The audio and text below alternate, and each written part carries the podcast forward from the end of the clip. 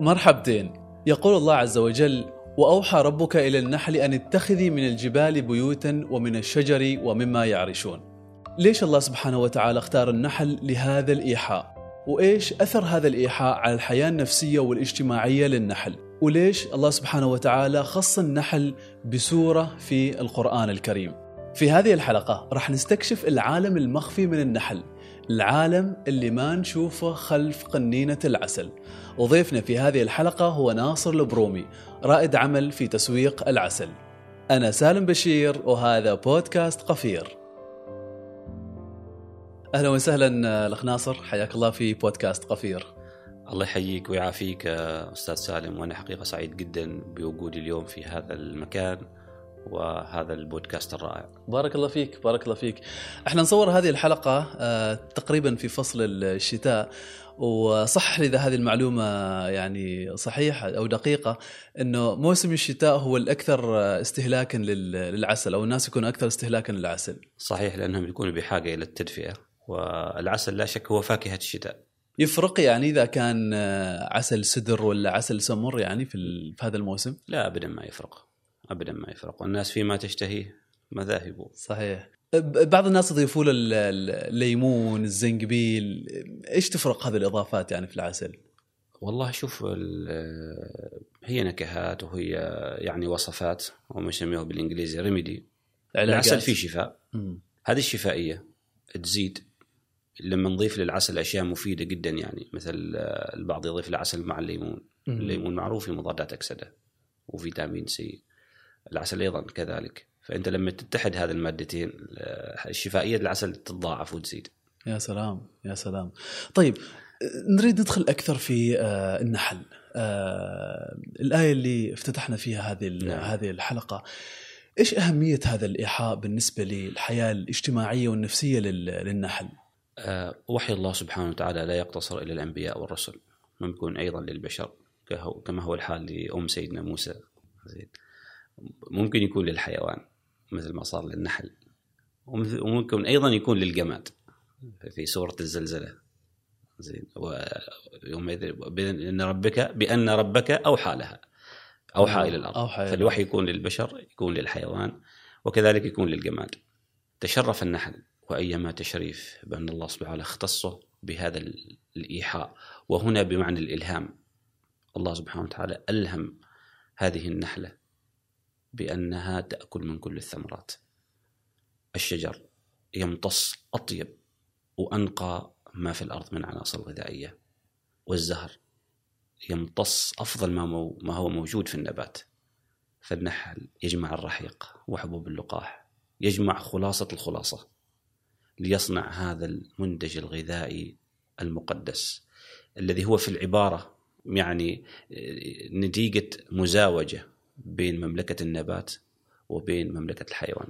يا سلام. فالمادة الخام للعسل هو الرحيق. يضيف أو يضيف النحل إليها جزء من لعابه وبعد ما ينضج يعني يخرج من بطونها شراب مختلف ألوانه. إيش فيه؟ فيه شفاء للناس. يا سلام. يا سلام جميل. طيب نريد ندخل أكثر في في في النحل والحياة الحياة الاجتماعية. مثلا الزواج والإنجاب إيش إيش إيش العادات المرتبطة في هذا الجانب بالنسبة للنحل؟ الآية اللي انت ذكرتها حقيقة هي مدعاة إلى التأمل وأوحى ربك إلى النحل. النحل هنا منفرد ولا جمع؟ جمع لكن قال ان اتخذي كيف يخاطب الجمع بين اتخذي؟ زين. ما أنه تفسير لكن تأمل. الإنسان لما يقرأ القرآن الكريم يتأمل يتدبر في الألفاظ في المعاني. زين النحل جمع ولكن الله سبحانه وتعالى قال اتخذي. لأنه هذا الجمع كما لو كان جسد كائن حي وجسد الكائن الحي يمتاز بخمسة أشياء. هو الحركة التنفس اللي هو أيضا تزاوج. فهمت كيف؟ فكل هذه الخصائص الكائن الحي موجودة في خلية النحل كما لو كانت جسد واحد. مم.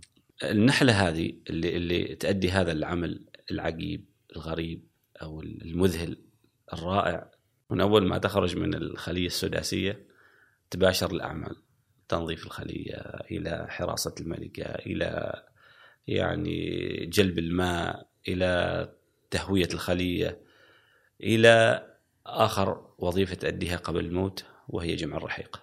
هذه آخر وظيفة تأديها الخلية في في النبات أو في في المملكة. فالجزء أو المسؤول عن الإنجاب في الخلية هي الملكة فقط. أيوه. زين. الخلية بدون ملكة هي خلية يتيمة. زين. وطبعا هذه الملكة يعني آه، ترعى رعاية خاصة. تمام. لأنه من خلال الغذاء الملكي الشغالات تمر على البيوت اليرقات تغذيها. في هناك جزء من البيوت يعني تحصل تغذية ملكية فترة أطول. تمام؟ مم. هذه بتصير ملكة. وفترة حياة الملكة أيضا في المتوسط سنتين. أيوه أكثر. طبعا. تضع في كل يوم حوالي 2000 بيضة. طبعا إذا المرعى في شح ولا شيء النحل شغالات يعطن يعني رسائل الملكه إنك هد اللعب. لكن يقول بالإنجليزي سلو داون طيب. طبعا الملكة من يقوم بتلقيحها الذكور. الذكور ما عندهم وظيفة في الخلية غير تلقيح الملكة. أيوه. زين في وقت الإنجاب كان في السابق يعتقد إنه اللي يقوم بتلقيح الملكة هو ذكر واحد. لكن صار في تحديث لهذه المعلومة إنه مجموعة من الذكور لأنه الملكة عندها قناة للمبيض تستوعب يعني عدد كبير من الحيوانات المنوية وتتخزن.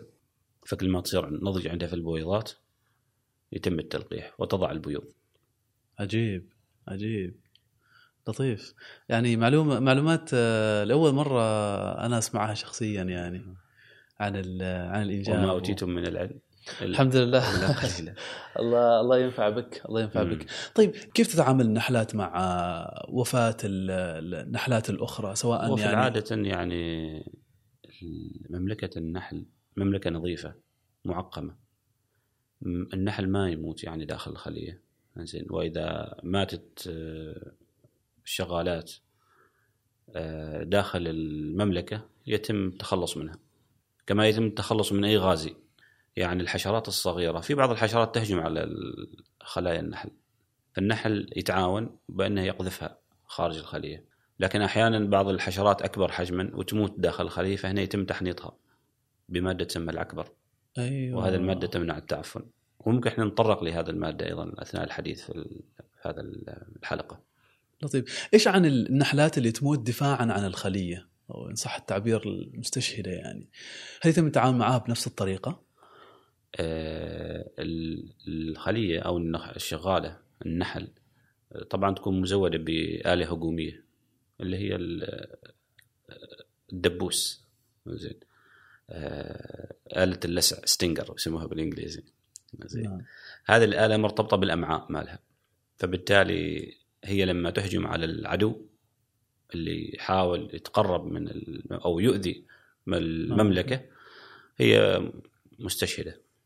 فبالتالي راح تموت بعد لحظات. أيوه. كيف تتعامل معها بقية المملكة؟ يتخلص منها إلى خارج الخليج. نفس الطريقة. اي نعم. لأن تشكل عبء كيف؟ أعطيك معلومة. تفضل.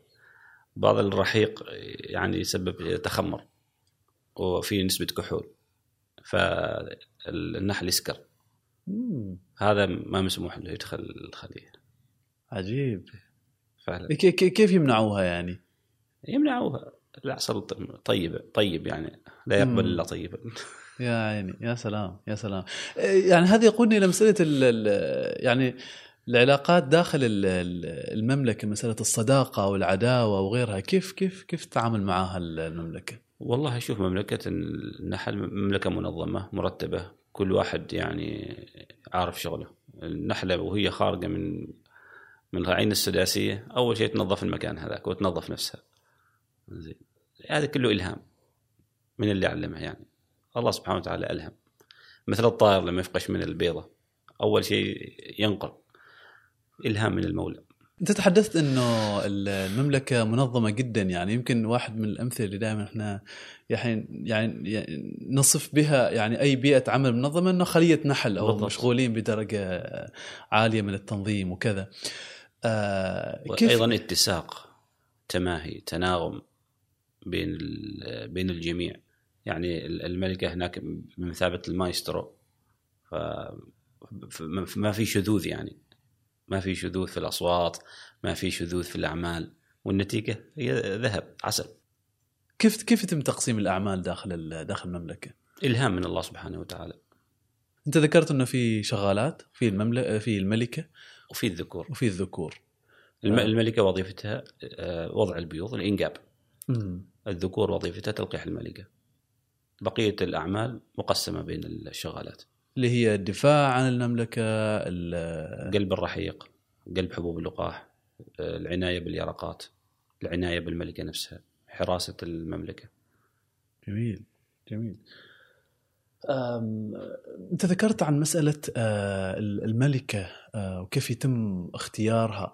هل هو اختيار ولا هو يعني يعني في اليرقة نفسها يعني هذه راح تكون ملكة.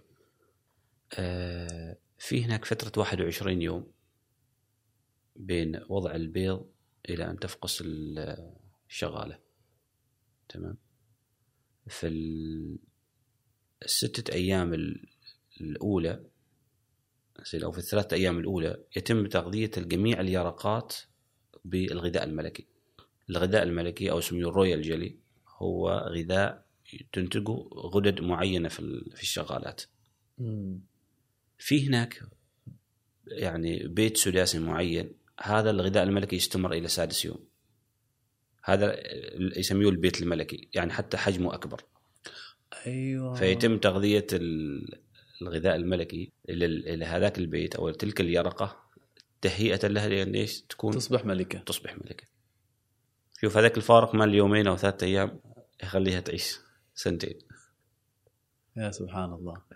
طيب تفقس هذه وتصير ملكة. بعد ذلك إيش يصير للملكة السابقة؟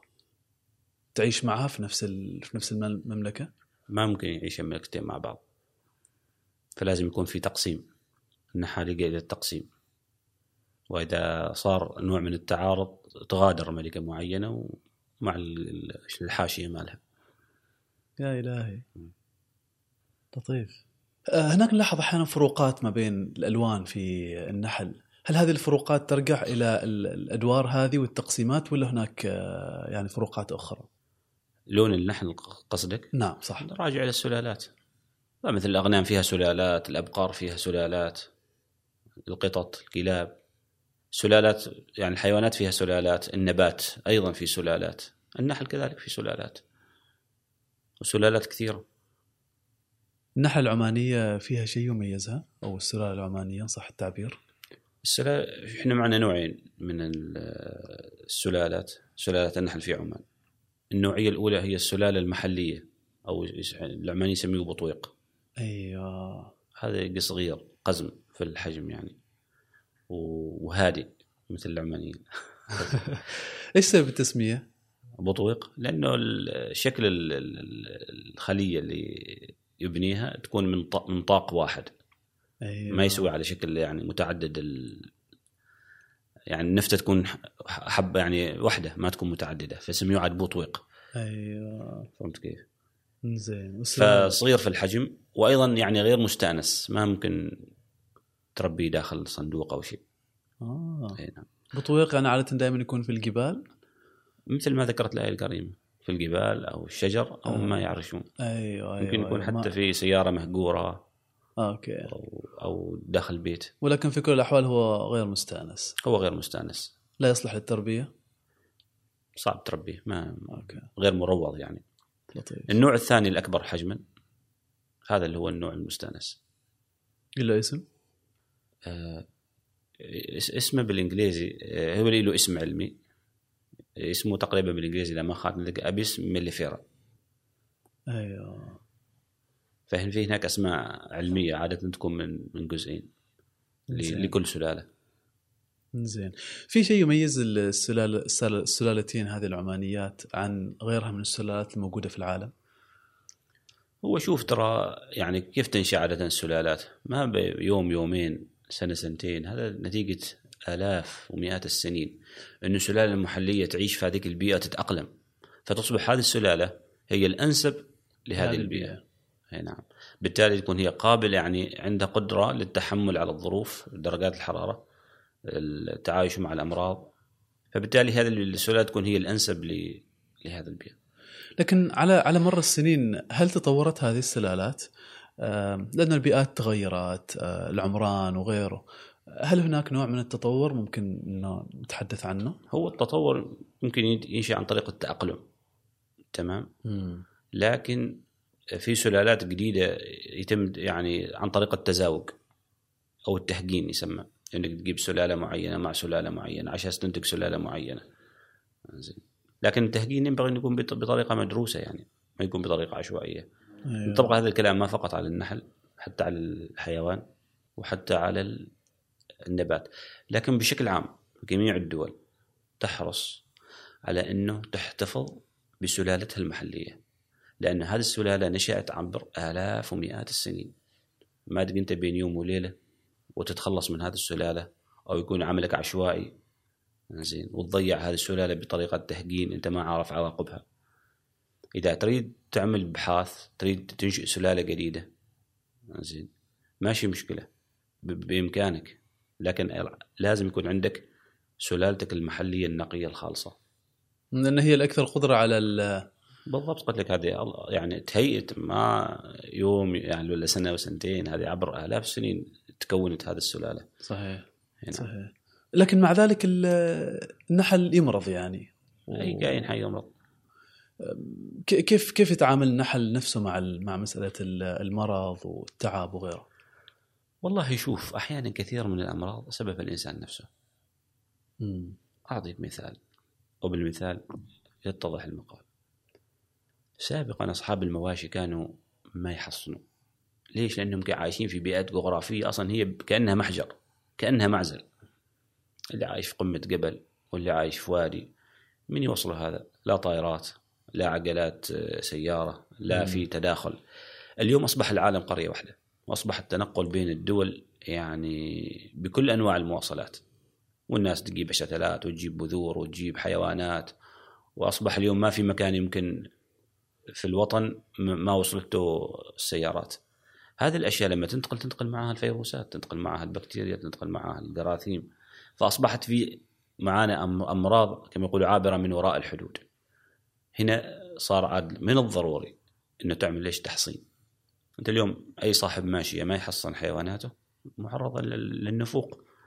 الكلام ينطبق على ال- الأشجار التمر اللي إحنا ناكله. ما في معالجات في معالجات. كذلك النحل. النحل شأنه شأن أي كائن حي آخر يعني تجي أمراض ولكن يعالج. يعالج بأدوية مصرحة بأدوية يعني فترة فيها فترة أمان وأيضا يعني مثل ما يصير في النبات يقول لك إذا عالجت هذا النبات لا تقطف ثمار يوم تالي ال- بعض الأبقار لما تعالجهم ببعض المضادات أو الدواجن. يعني لازم هذاك العلاج يكون في فترة أمان. يعني بحيث أنه ما يكون له أثر في الثمر في اللحم أو في الثمر أو حتى في العسل. وبشكل عام إحنا في عمان معنا يعني ال- ال- ال- المرض الشائع في النحل هو يسموه مرض الفار الفاروة. ال- الفاروة. طبعا هذا مرض فيروسي وينقل نوع من أنواع ال- ال- العث. زين. ففي علاجات متوفرة حاله. ممتاز. آه نجي على مسألة ال- تربية النحل. وأنت تكلمت فيها. لاحظنا في ال- في السنوات العشر الماضية انتشر بشكل كبير ممكن أكثر من أي وقت آه مضى. آم، هل هناك فرق ما بين ال ال يعني العسل ال- من التربية آه، أو العسل الطبيعي. هو شوف اكون معك صريح. أكيد إنه في فرق. يعني العسل الحر اللي ما تدخل فيه الإنسان بأي شكل من الأشكال لا شك إنه أكثر جودة. لكن هل لمستوى بهذاك الفارق في السعر؟ هذا هو السؤال اللي يطرح نفسه. أنا يقول؟ أنا علو اللي تكلمني عن نفسي. تحليلك وعلى أنت؟ قدراتي المادية. أفضل عسل التربية. لأنه ترى في النهاية عسل طبيعي. يعني ترى هذه النحلة اللي تكلمنا عنها الصغيرة والنحلة الكبيرة في وقت الموسم يرعين من نفس الشجرة. زين. بالعكس أنت أيضا كنحال أنت متنقل بخلاياك. أنت تنتقل مرعى الطيب. تقول والله ما شاء الله هنا مرعى طيب. مثلا باغي أنت عسل سمر وما كان هناك في خلط. يعني أشجار ثانية. مم. نسبة السمر يكون أعلى. فهمت كيف؟ صحيح. وتدخل الموسم والخلايا منظفة. يعني تم التخلص من عسل التغذية اللي فيها. زين. فعسل طبيعي أيضا. أنا عن نفسي مع يعني اللي عنده قدرة مادية اللي عنده قدرة مادية وحب إنه يقتني العسل أبو طويق زين. ممتاز. ولكن اللي ما عنده قدرة مادية فكلا الخيارين ممتاز. فعسل التربية طبيعي أيضا ما في أي حاجة يعني. إذا تم تنظيف الخلية ودخلت الموسم منظفة وتم حفظ العسل بطريقة جيدة. شوف أيضا ترى في العسل ما معنى انه عسل ابو طويق يعني شفائيته مضمونة. العسل في أمرين أمر ما قبل الفرز وما بعد الفرز وكل أمرين مهمات. ما قبل الفرز انه تكون الخلايا ما فيها عسل سابق من عسل التغذية. أو فهمت كيف؟ تدخل الموسم نظيفة. نعم النحل يجمع يعني رحيق صافي.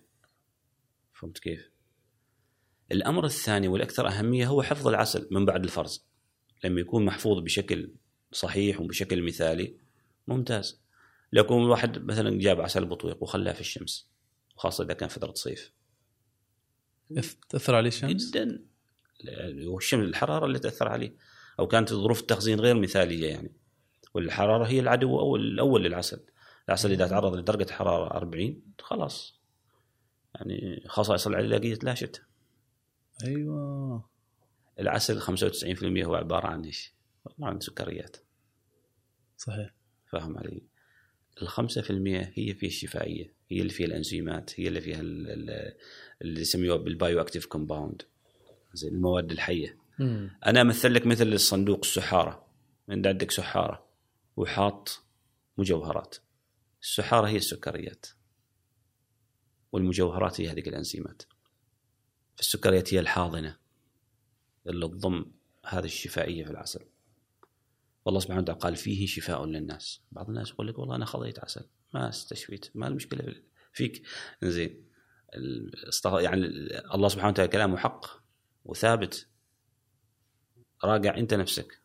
راجع هذا العسل كيف تم إنتاجه وكيف تم تخزينه. فهمت كيف؟ فالمهم جدا في العسل هذا الأنزيمات. وهذه المركبات الفاعلة فيه. وتحافظ عليها بأنك إنها تكون بعيدة عن يكون بعيدة عن الرطوبة بعيدة عن الروائح بعيدة عن الحرارة. فهمت كيف؟ لطيف لطيف لطيف. زين نتكلم عن مسألة الصعوبات في التعامل مع النحل. آه يعني كثير من النحالين آه آه يواجهوا يواجهوا تحديات. إيش هي هذه التحديات؟ وكيف عادة تتعاملوا معها؟ والله شوف بالنسبة للتحديات هي كثيرة. تختلف من دولة إلى أخرى ومن مكان إلى آخر. لكن لو تكلمنا مثلا تحد أهم التحديات اللي تواجه النحالين في عمان أولها شح المراعي.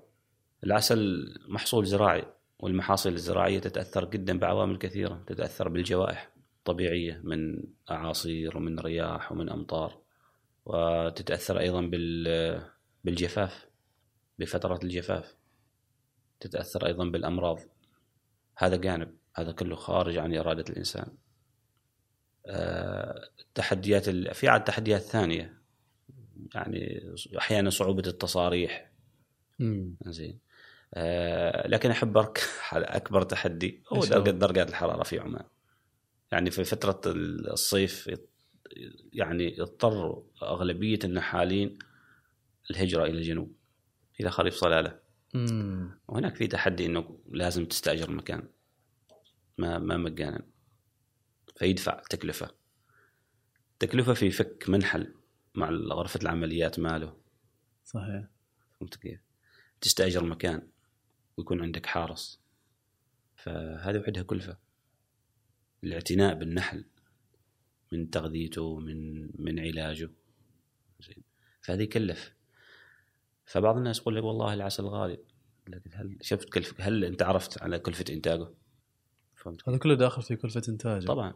أنا شخصيا يعني والعارفين طبعا لما يشوف هذا الجهد المبذول والتكاليف ويشوف المبلغ المدفوع للعسل حاجة رمزية.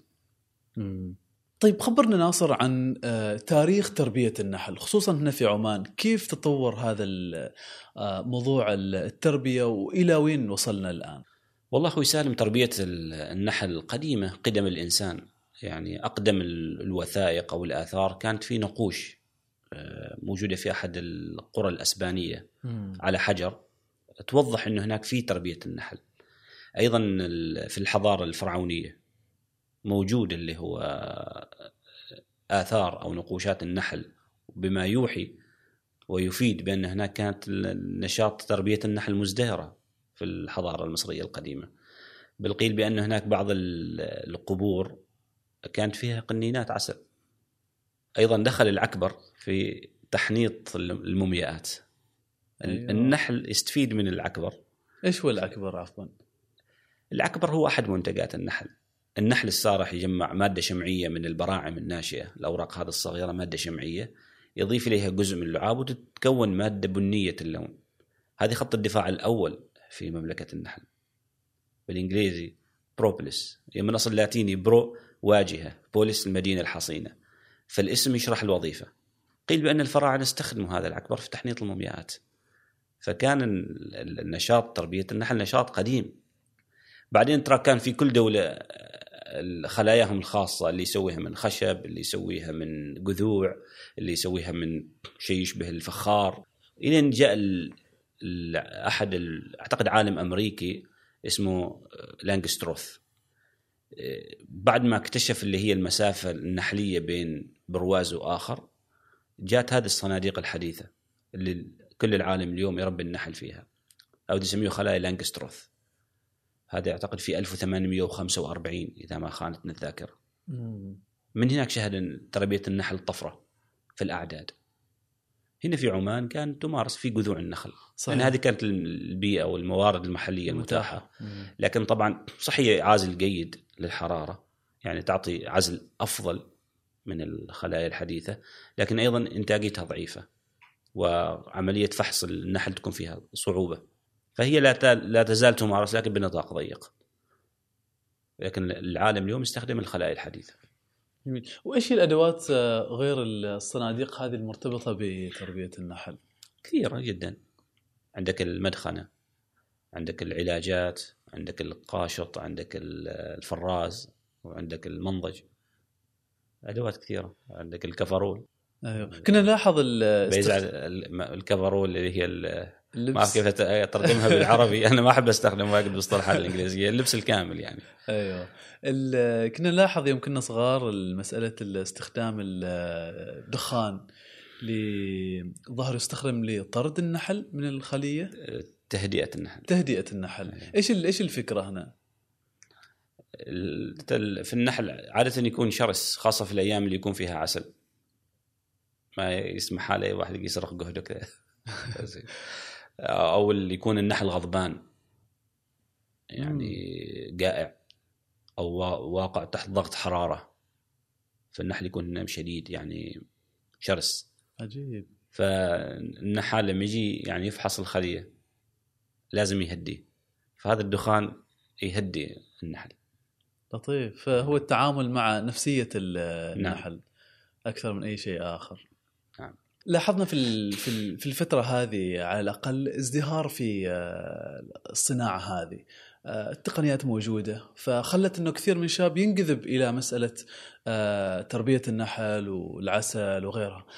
إيش ممكن تقول للشباب المقبل على هذا ال- على هذا الأمر كريادة أعمال؟ سؤال جيد أخي سالم. فعلا كلامك في الفترة الأخيرة في السنوات الأخيرة شهدنا أعداد كبيرة من الشباب يمتحنون هذه المهنة الطيبة. مهنة إنتاج العسل وكذلك حتى اللي يسوقوا العسل.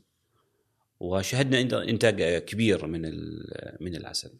آه، نصيحتي حقيقة للشباب اللي داخل هذا الصناعة وداخل هذا المجال إنه يفكر من النهاية يفكر كيف أنا أسوق هذا العسل. لأنه مجال مزدحم بالمنافسين. نحن محتاجين أفكار نوعية. يعني أعطيك مثال. بدل ما الجميع ينتج عسل ليش ما هناك في إنتاج خاص بالعكبر أحد منتجات النحل. ليش ما تكون هناك في مناحل متخصصة في إنتاج حبوب لقاح النحل؟ أو في إنتاج سم النحل؟ أو في إنتاج الغذاء الملكي. هذه الأفكار ما موجودة هنا في عمان على حد علمي، ما حد متخصص في هذه المجالات. فالنحل ما دائما يرتبط بالعسل. أعطيك مثال. في الولايات المتحدة الأمريكية في هناك مناحل مختصة بتلقيح الزهور. وخاصة مزارع اللوز. ويعطوهم مبالغ مجزية. كثير من الناس لما تذكر له النحل يربطوا مع العسل. وظيفة النحلة أعظم من كذا بكثير. 70% من الثمار أو من الأشجار تلقحت عن طريق النحلة. فالنحلة اللي دور كبير في تلقيح الزهور. يعني حتى في مقولة تنسب للعالم أينشتاين يقول إذا النحل ما موجود الثمار ما موجودة. no bees no food الأمر الآخر أن النحل ما فقط يعطينا العسل هناك ست منتجات أساسية. بجانب العسل عندك العكبر عندك حبوب لقاح النحل عندك الغذاء الملكي عندك شمع النحل وعندك سم النحل. تمام؟ هذه هذه هذه جانب فكرة. صحيح. تمام؟ في إنه تكون عندنا مناحل متخصصة في أشياء معينة. مم. إحنا أغلب الحبوب لقاح النحل اللي نبيعه حاليا في السوق مستورد. أغلب العكبر اللي يجينا مستورد وكذلك الغذاء الملكي. بينما العسل ما شاء الله حدث ولا حرج. هذا جانب. الجانب الثاني يدخل في الصناعات. أنت تسمع عن بلاد العم سام نعم. أنا مسمينها بلاد العم خام. السمك يباع خام النفط يباع خام التمر يباع خام والعسل يباع خام. يا أخي فكر في الصناعات التحويلية. فكر في الصناعات العسل ممكن تصنع منه أشياء كثيرة جدا يعني. وخ- وخليه في أشياء الناس تست- تستهلكها يعني في حياتها اليومية. اعطي قيمة؟ مضافة. مثل إيش؟ إيش يجي في بالك؟ في أمثلة كثيرة. أعطيك مثال المشروبات. والآن فرصة الموضوع المقاطعة. يا أخي اخترع لنا مشروب في دخل فيه العسل بدل عن السكر. وخليه يعني طازج. أنا لو عندي القدرة يعني أحد الأفكار اللي جالس أفكر فيها بأمانة لكن أعطيها بالمجان للمستمعين ما في مشكلة. زين قطاع الحلويات الأطفال. يا أخي ترى الحلويات اللي تباع في المحلات والبقالات هذه سم ناقع وشر السم بارده. ألوان مصنعة يعني حدث ولا حرج. ومواد حافظة. دخل العسل في هذه الصناعة. يا أخي العسل ترى دخل حتى في المواد التجميلية. يعني لما نزور بعض المعارض لقينا شركات قاطعة شوط كبير. حتى هذه المواد التجميلية داخل فيها العسل ومنتجات النحل الأخرى. ممكن إنسان يزور معارض يبحث عن شركات ويبدي يصنع. فهمت كيف؟ مم. وفي دعوة ثانية بعد إلى الأبحاث العلمية. أنت يمكن سمعت عن عسل المنوكه لا إيش هذا؟ عسل منوكا ما سمعت فيه؟ هذا أشهر عسل على مستوى العالم. ينتج فيه فقط في دولتين لا ثالث لهما نيوزيلندا وأستراليا. زين. هذا العسل الله سبحانه وتعالى أودع في رحيق هذه الزهور مادة تسمى الميثيل جليوكسال. يعتبرها العلماء أقوى مضاد طبيعي على وجه الأرض. تقضي على جرثومة المعدة أو تقلل منها. ومفيد أيضا للجهاز الهضمي ولصحة الجلد. يعني يمكن أكثر عسل على مستوى العالم تم دراسته بشكل علمي. لكن الموضوع تبنته الحكومة النيوزيلندية. ما شغل فرد كانت عندهم استراتيجية حتى سمعت إنه كانوا يعطوا مكافآت للمواطنين اللي يزرع هذه الشجرة شجرة المنوكة. اليوم أنت العالم ما تخاطبه بلغة العاطفة والشعر والإنشاءات، تخاطبه بلغة العلم. تخاطبه بلغة الأرقام. على حد علمي عسل السمر العماني فيه من مضادات الأكسدة ما يفوق عسل المنوكة. لكن وين الأبحاث العلمية؟ كيف أنت تسوق للعسل العماني إلى الخارج؟ كيف تثبت ذلك؟ هذا شغل علمي، شغل مؤسسات علمية. شغل جامعات، شغل أبحاث. ولا أنا أقول لك إن العسل العماني يمكن حتى كخام إذا ما درس بشكل علمي وسوق بالشكل الصحيح يمكن هذا سوق واحد فقط كامل يستوعبه. السوق الأمريكي. ده من أقوى الأسواق استهلاكا. جميل جميل. آه كنت أريد أرجع معك بالحديث عن الست منتجات اللي ممكن آه مع العسل اللي هي تستخرج في هذه العملية كلها. أريد أخذها واحدة واحدة. طيب. بكلمك أيوه بكلمك عن الموضوع الأكبر أو حد يسميه صمغ النحل وبالانجليزي بروبلس هذه يجي في الأهمية مباشرة بعد العسل ومن أكثر المنتجات دراسه أيضا يعني هو والعسل أكثر منتجين من منتجات النحل تم دراستهم وتحليلهم. هذا العكبر هو مادة شمعية يجمعها النحل السارح من البراعم الناشئة الاوراق هذه تو طالعة فيها مادة صمغية. النحل يجمع ويضيف لها جزء من لعابه فيجيك مادة شمعية بنية اللون. هي خط الدفاع الأول في مملكة النحل إذا في فراغات يسد بها الفراغ ال- ال- الفتحة هذه فتحة السروح أيضا تكون محاطة بال- بالعكبر إذا في غازي خارجي والنحل ما قدر يتخلص منه يحنطب بهذه المادة. وقلت لك بأن الفراعنه هم أول من استخدم العكبر في تحنيط المومياءات. العلم الحديث حلل هذه المادة. فوجدوا فيها أكثر من 300 مركب حيوي. ويصنف على أنه أقوى مضاد طبيعي على وجه الأرض. في هناك شركات قائمة. في أنا زرت مصنع في تركيا شغله فقط في العكبر مصنع من ثلاث طوابق. لكن صانعين منه أشياء عجيبة. حتى مشروبات طاقه صانعين منه. كريمات لوشنات آه، حلويات أطفال. كلها من العكبر كلها من العكبر طبعا مفيد للمعدة للاثنى عشر للقولون لصحة الجلد معزز للمناعة يرفع مستوى المناعة. مم. طبعا يجي على شكلين على شكل بودرة. أو كبسولات ويجي مستخلص مائي وكلا كلا يعني الحالتين يستخدم. ممكن أفضل طريقة لاستخدامه هو أخذه كذا بدون تخلطه مع أي شيء آخر. وفي أبحاث يعني أثبتت فوائده. هذا الموضوع الأكبر نجي على حبوب لقاح النحل. مو هو حبوب لقاح النحل هو الجزء الذكري من الزهرة. طبعا ال- اليرقات تحتاج لبروتين تبني فيها الأنسجة.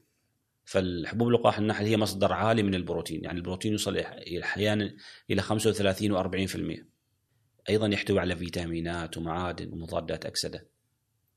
فهو منجم من الفوائد الصحية حبوب لقاح النحل. طبعا الن- النحالين والشركات اللي تصدر حبوب لقاح النحل وتسوق حبوب لقاح النحل يحطوا مثل المصايد في في الخلية. فالنحل لما يجي آه، تتجمع هذه حبوب لقاح النحل. وهي يعتبر مكمل غذائي عالي الجوده نظرا لنسبته العالية من البروتين كثير للشباب اللي يروحوا الصالات يستخدموه. كذلك هو يعني فوائده يعني كما يقولون من الساس إلى الرأس. تبدي من الدماغ وتحسين الذاكرات من الذكاء تبدي من موضوع ال- ال- تنظيف الكبد من السموم مصدر عالي من البروتين. فما شاء الله كله فوائد. هذا حبوب؟ لقاح النحل. لقاح أو النحل. يسموه بالإنجليزي البيبولين. عجيب الغذاء الملكي أيضا طبعا الغذاء الملكي هذا غذاء يعني تنتج الشغالات عن طريق غدد خاصة فيها تعطى لليرقات لأيام معينة وللملكة أيام إضافية. آه، طبعا أيضا يعتبر في فوائد لكن أكون معك صريح إلى حد الآن ما وقفت على بحث علمي يعني أثبت بشكل مباشر فوائده يعني وش الأمراض اللي يعالج فيها. بالتحديد أيوه يجي أيضا سم النحل لكن ما يأكل يحقن أو يلسع. في اليوم هناك كثير صيدليات يعني تقوم على علاج كثير من الأمراض خاصة اللي تتعلق بالمفاصل وغيرها عن طريق اللدغ أو اللسع. وأيضا دخل في آه، صناعة المواد التجميلية أو يسموها الكوسمتكس. أيضا شمع النحل. شمع النحل أيضا دخل في آه، صناعات كثيرة. وخاصة اللي هي أيضا ال- المواد التجميلية هذه مرة منتجات آه، وهي لها لها تقنياتها وهي لها أدواتها في طبعاً. في استخلاصها طبعاً. وكذا لطيف جميل طيب الآن أريد يعني أروح إلى بيوتنا أحيانا نحصل اللي إحنا نسميه النفته. آه، إيش هي أفضل طريقة تعامل مع يعني إيش هي النفته تعتبر آه، مملكة صح؟ أيوه كيف إيش هي أفضل طريقة تعامل معها؟ تبغى رايي الشخصي؟ كيف تخليها ما تعودها وخلي النحل يعيش إنزين آه شيء جميل أحيانا بعض هذه الأشياء يعني شوفتها تعطيك راحة نفسية والله سبحانه وتعالى ترى قال في القرآن الكريم ولكم فيها جمال حين تروحون وحين تسرحون قيلت في الأنعام والنحل جزء يعني أيضا من الحيوانات. يعني يخليك تتأمل. لأنه بعض الاحيانا هذه اللي تصير معانا في البيوت ما فيها كمية عسل كبيرة. فهي ما مقري أصلا يعني. مقدي إنك آه، هذا. يعني إذا اشتهيت عسل أفضل طريقة إنك تاخذه تشتري. مع البرومي وغرزه عسل ب 20 وخليها هي تعيش. لأنه حقيقة العسل بطويق يعني حصل دمار. هذه الطائرة اللي ترش المتق زين تقضي على ال-. للأسف. قضت على أعداد كبيرة جدا يعني. وأنا من محبي الحياة الفطرية. ودائما أقول ال- يعني إذا شيء تقدر تستغنى عنه وتخليه يتكاثر أفضل. وجهة نظر الشخصية طبعا أنا ما ألزم فيها أي شخص هذه قناعتي الشخصية صحيح. في الموضوع. صحيح. مثل بقية الطيور الفطرية وهذا الحيوانات أنا أشوف إن أفضل طريقة أن نخليها يعني. تعيش في بيتها. لطيف لكن أجاوبك على السؤال. بعض الناس يقول لك كيف أعرف إنه العسل حان هو ذا- هذا النوع من الخلايا يكون العسل متكون فوق في الجزء العلوي. فإذا كان الجزء العلوي فيه عسل و- والنضيق يعني مشمع يبين. يبين. تشوف حتى في عسل أو أو تم تشميعه.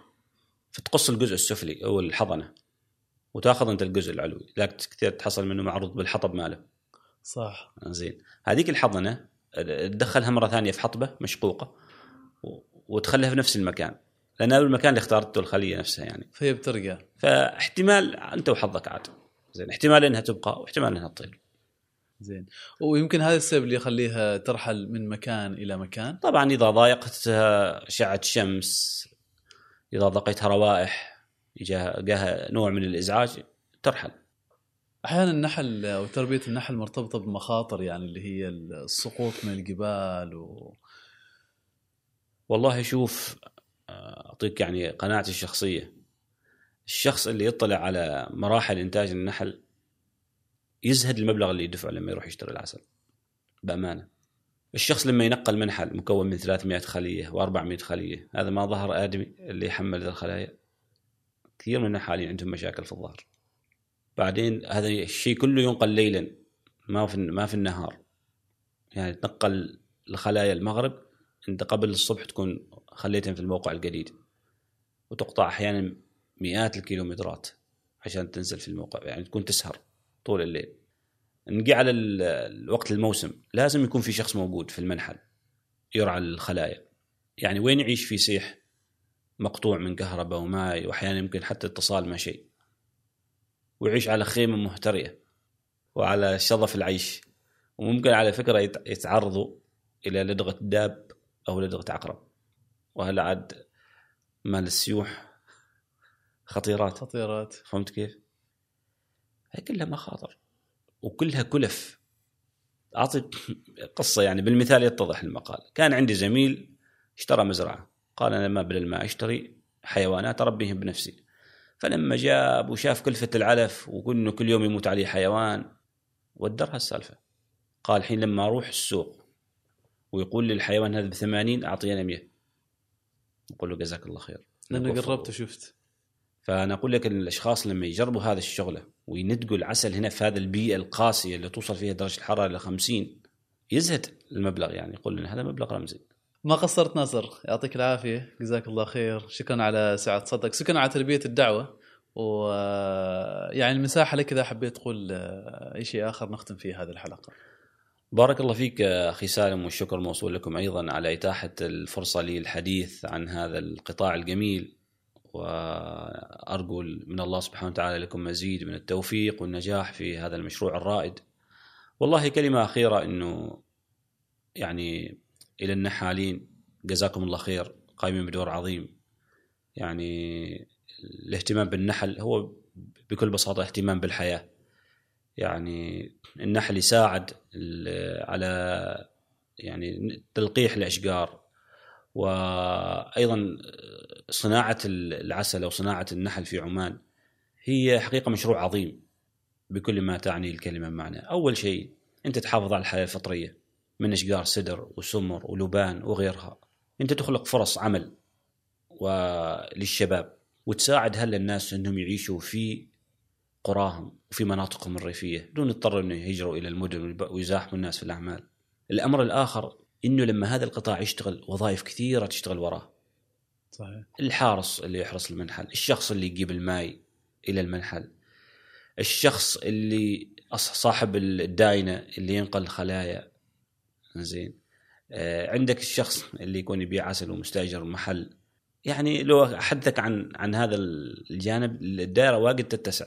صحيح أيضا أنت قاعد تقدم منتج صحي للناس فهو إذا جينا على إنه مشروع بيئي بيئي جانب اقتصادي في جانب اجتماعي في جانب صحي ممكن أيضا ندخل في الجانب السياحي محتاجين الشباب إنهم يفكروا كما يقولوا خارج الصندوق يجيبوا أفكار إبداعية أفكار يعني تسهم في إنه هذا القطاع يتوسع بشكل أكبر.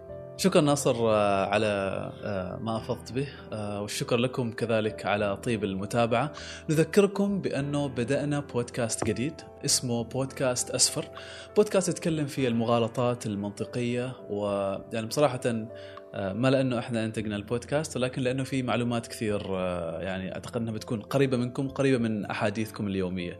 لذلك تابعوا بودكاست أسفر على كل منصات البودكاست وإلى أن نلقاكم في الحلقة القادمة. سلام.